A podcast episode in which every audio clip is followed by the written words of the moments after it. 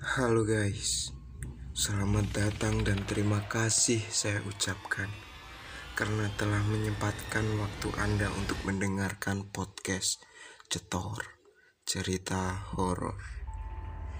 Jadi sebelum masuk dalam pertemuan atau cerita yang pertama, izinkanlah saya untuk memperkenalkan diri saya dan juga apa itu Cetor. Saya Diko sebagai pembawa acara di Cetor. Dan Cetor sendiri adalah podcast monolog yang menceritakan tentang cerita-cerita yang berbau mistis atau horor. Baik, tidak usah berbasa basi lagi. Mari kita akhiri sesi perkenalan kita dan silakan untuk masuk ke cerita horor yang pertama. Enjoy.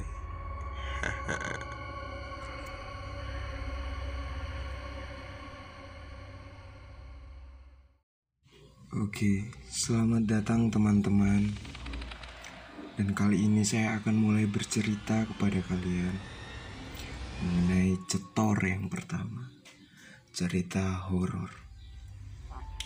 Di cetor yang pertama, saya akan menceritakan kalian tentang ya bisa dibilang sejarah dari rumah hantu Darmo.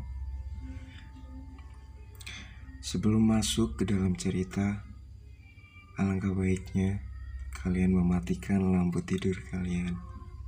Kalian memakai earphone kalian agar kalian lebih bisa masuk ke dalam cerita yang saya sampaikan. Baik, rumah hantu Darmo sendiri adalah salah satu rumah yang terbengkalai di Surabaya. Ya, mungkin dari orang-orang Surabaya sendiri sudah pada tahu apa itu rumah hantu Darmo. Banyak versi yang menceritakan tentang rumah hantu Darmo itu sendiri ya guys. Dan yang lebih saya tahu itu mengenai versi sebagaimana keluarga yang punya perjanjian dengan jin atau setan. Dalam sebuah perjanjian tersebut, sang keluarga yang melakukan perjanjian itu menukar jiwa mereka dengan hmm, bisa dibilang kekayaan ya.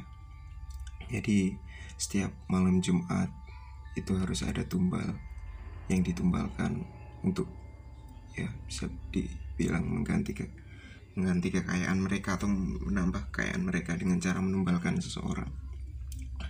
Dan pada suatu hari, keluarga tersebut ingin lari dari sebuah perjanjian tersebut dan menggunakan kapal pribadi mereka. Namun pada akhirnya yang terjadi kapal mereka tenggelam.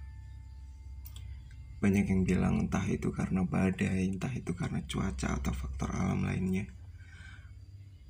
Juga banyak yang ya berspekulasi bahwa itu memang perbuatan dari jin yang mereka khianati ya karena perjanjian yang mereka khianati dan bisa dibilang sekarang rumah hantu Dharma tersendiri banyak yang melihat penampakan banyak yang ya sering diganggu lah orang-orang sekitar tersebut terlebih ketika di balkon banyak yang melihat penampakan sosok wanita dan juga hantu-hantu lainnya.